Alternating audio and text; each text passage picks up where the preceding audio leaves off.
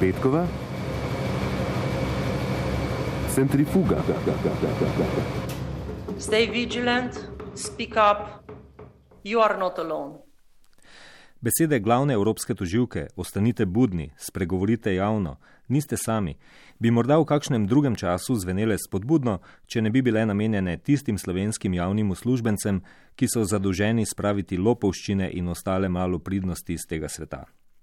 A medtem, ko v naši državi kadruje premijev odvetnik ali pa menda celo doktor davčnih utaj, premijev cimer iz kaznilnice od rešitve na dobu, so na udaru oblasti preganjavci kriminala, toživci.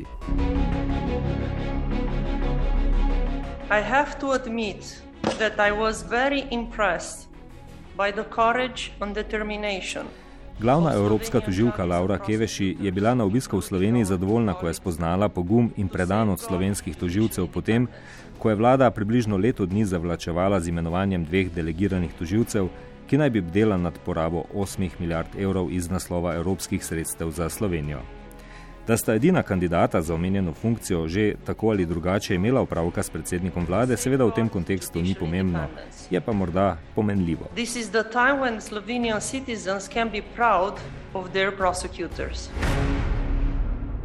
Res zgovorno, da nam pride šefica Evropskega tožilstva povedati, da smo lahko ponosni na preganjavce kriminala, medtem ko so naši sosedje že spoznali moč nove evropske institucije, saj je bila zaradi suma goljofije na Hrvaškem že pridržana nekdanja ministrica za regionalni razvoj. Ogromno vsote evropskega denarja, ki se stekajo članice Unije kot pomoč za ukrevanje po pandemiji. In gledno glej, v Sloveniji naj bi bilo pripravljenih že 20 do 30 zadev suma oškodovanja evropskih sredstev, samo v nekaj primerjih naj bi bilo oškodovanja za skoraj 10 milijonov evrov. Ti lahko potem te izkoristijo za pranje denarja, goljofije, korupcijo in podobno.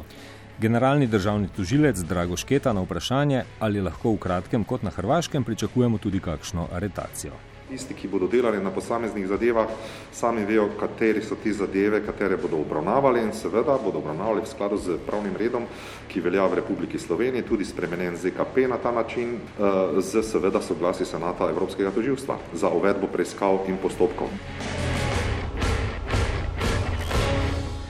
Da se korupcijo res izplača izkoreninjati, nam je ta teden povedal prvi mož protikorupcijske komisije Robert Šumi. Letni strošek izgubljenih priložnosti zaradi korupcije je pri nas ocenjen na kar 3,5 milijarde evrov ali 7,5 odstotka slovenskega brutodružbenega proizvoda.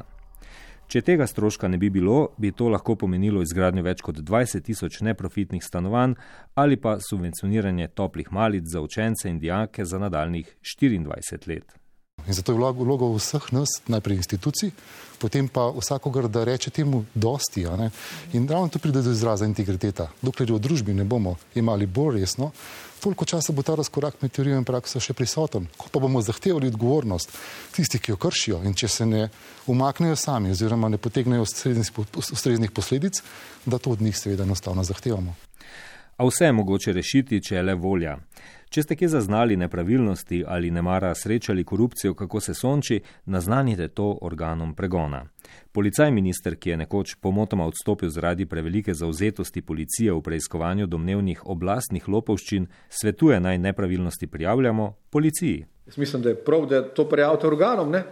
policiji, tožilstvu in tako naprej in delajo. Jaz, jaz, sem, jaz sem že takrat na, na, na hearingu svojemu rekel, da upam, da bodo to čim prej naredili. Ministr je svoj predlog sicer podal med odgovarjanjem na vprašanja članov preiskovalne komisije o domnevno spornem financiranju političnih strank, zlasti SDS, ki je vzpostavila svoj propagandni aparat, izdatno podprt z mačarskim kapitalom. Medtem pa policija kot ključni varuh javnega reda in miru pod novim vodstvom zaradi političnega podrejanja in nesorazmernega ukrepanja proti državljanom v času epidemije izgublja ogled in zaupanje. Tole so besede nekdanje generalne direktorice policije Tatjane Bobnar, prve žrtve kadrovskih čistk v policiji. In moram reči, da mi je pač hudo in me žalosti, ko vidim pravzaprav, da pada zaupanje zaradi sprememb zakonodaje. Ocenjujem, da so te spremembe zakonodaje um, škodljive, da tako rečem. Um, žalosti me v bistvu kaznovanje ljudi na podlagi protistavnih odlokov, kakorkoli se obrnemo. In uh, žalosti me tudi ta način, da se poskuša ustrahovati ljudi s policijo.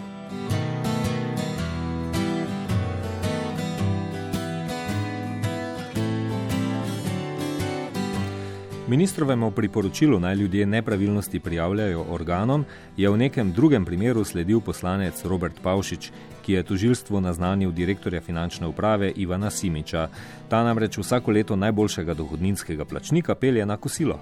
Kdajkoli, kjerkoli sem bil direktor finančne uprave, sem vsako leto peljal na kosilo najboljšega dohodninskega plačnika. In to delam vsako leto in to sem naredil tudi letos. To je moje spoštovanje do njega, ker toliko dohodnine plača. Vi ste največjega dohodninskega plačnika peljali na kosilo. In jaz sem ga plačal. Ni problem v tem, kdo ga je plačal. Problem je v tem, kako ste vi izvedeli, kdo to je. To je davčna skrivnost. Vi nimate pravice upogleda v te podatke, se opravičujem. Sploh pa ne zato, da bi ga peljali na kosilo. To prostodušno priznanje v tolažilni nagradi, ki jo šef Fursa letno podeljuje prvaku med davkoplačevalci, je za televizijo Slovenija za manj komentirala nekdanja informacijska pooblaščenka Nataša Pirc-Musar. Omenjene izjave niste videli in slišali v informativnih oddajah TV Slovenija.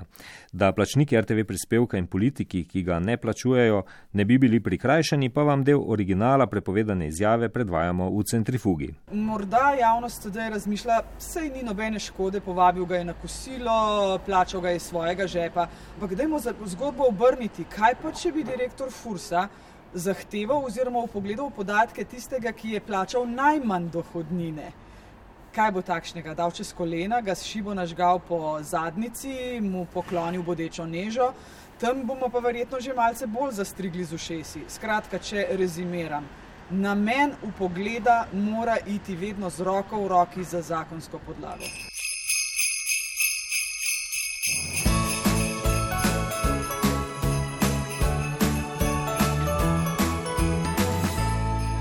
Veliko manj velikodušna kot prvi dacar do dohodninskih prvakov je vlada do manjših davkoplačevalcev, gostincev, ki so si od veselega decembra obetali kak fičnik več. Odločitev, da si bo na ulicah mogoče privoščiti le pečen kostan, ne pa tudi ostale pijače in jedače na tradicionalnih novoletnih stojnicah, je vlada spet sprejela dobesedno čez noč. Ti delovnemu človeku ne moreš reči danes na jutri, naj zapre svoj posel, naj odpreti stojnico ne pomeni odpreti stojnico in delati, pomeni nabaviti materijale, uh, najti ljudi, ki bojo delali, uplačati verjetno najemnino vnaprej, dvomim, da bo kdorkoli karkoli vračal, ker dejansko v tem primeru skoraj nihče ni kriv. Tako je hitro potezno odločanje vlade komentirala ena najboljših kuharskih mojstric na svetu, Ana Roš. Pa davkoplačevalci iz ljubljanskih stojnic brez Simičevih tolažilnih nagrad, kaj pravijo oni? Ja, tako malo nesramno, lahko bi to povedali prej, da se ljudje ne bi pripravili, ne bi toliko stroškov imeli. To pa ni sam strošek hiške, da polo ni tako in vrnejo nazaj, ni to problem. Problem je hrana, ki so jo nabavili, delovci, ki so jih najeli za decembr, to je problem. Prvi si imel višjo ceno, je z davkom 16.500 na mesec, ja. tako da je to kar eh, velik zalogaj, tako da niso to eh, mači kašelj, plus priprava. Ne nabava mesa, uh, priprava stojnice, ne, naprimer lokala. Ne,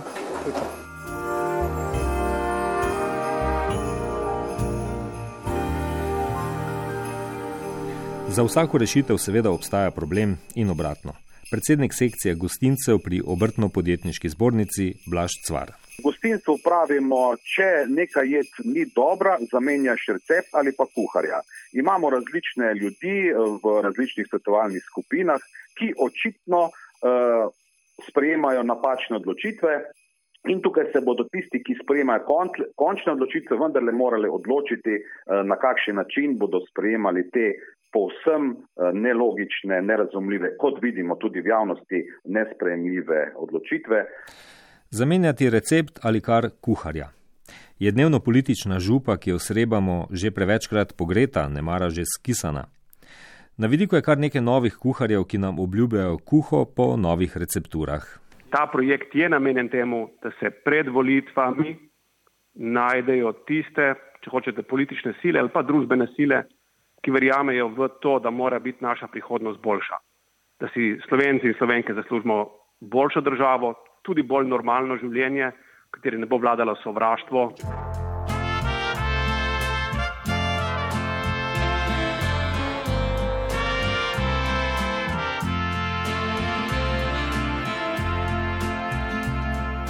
A preden zakorakamo v super volilno leto, ko nam bodo mojstri politične kuhinje kuhali in zakuhali novih pogojno prebavljivih minešter, še zapojmo zimzeleno pesem, ki je nastala pred pol stoletja.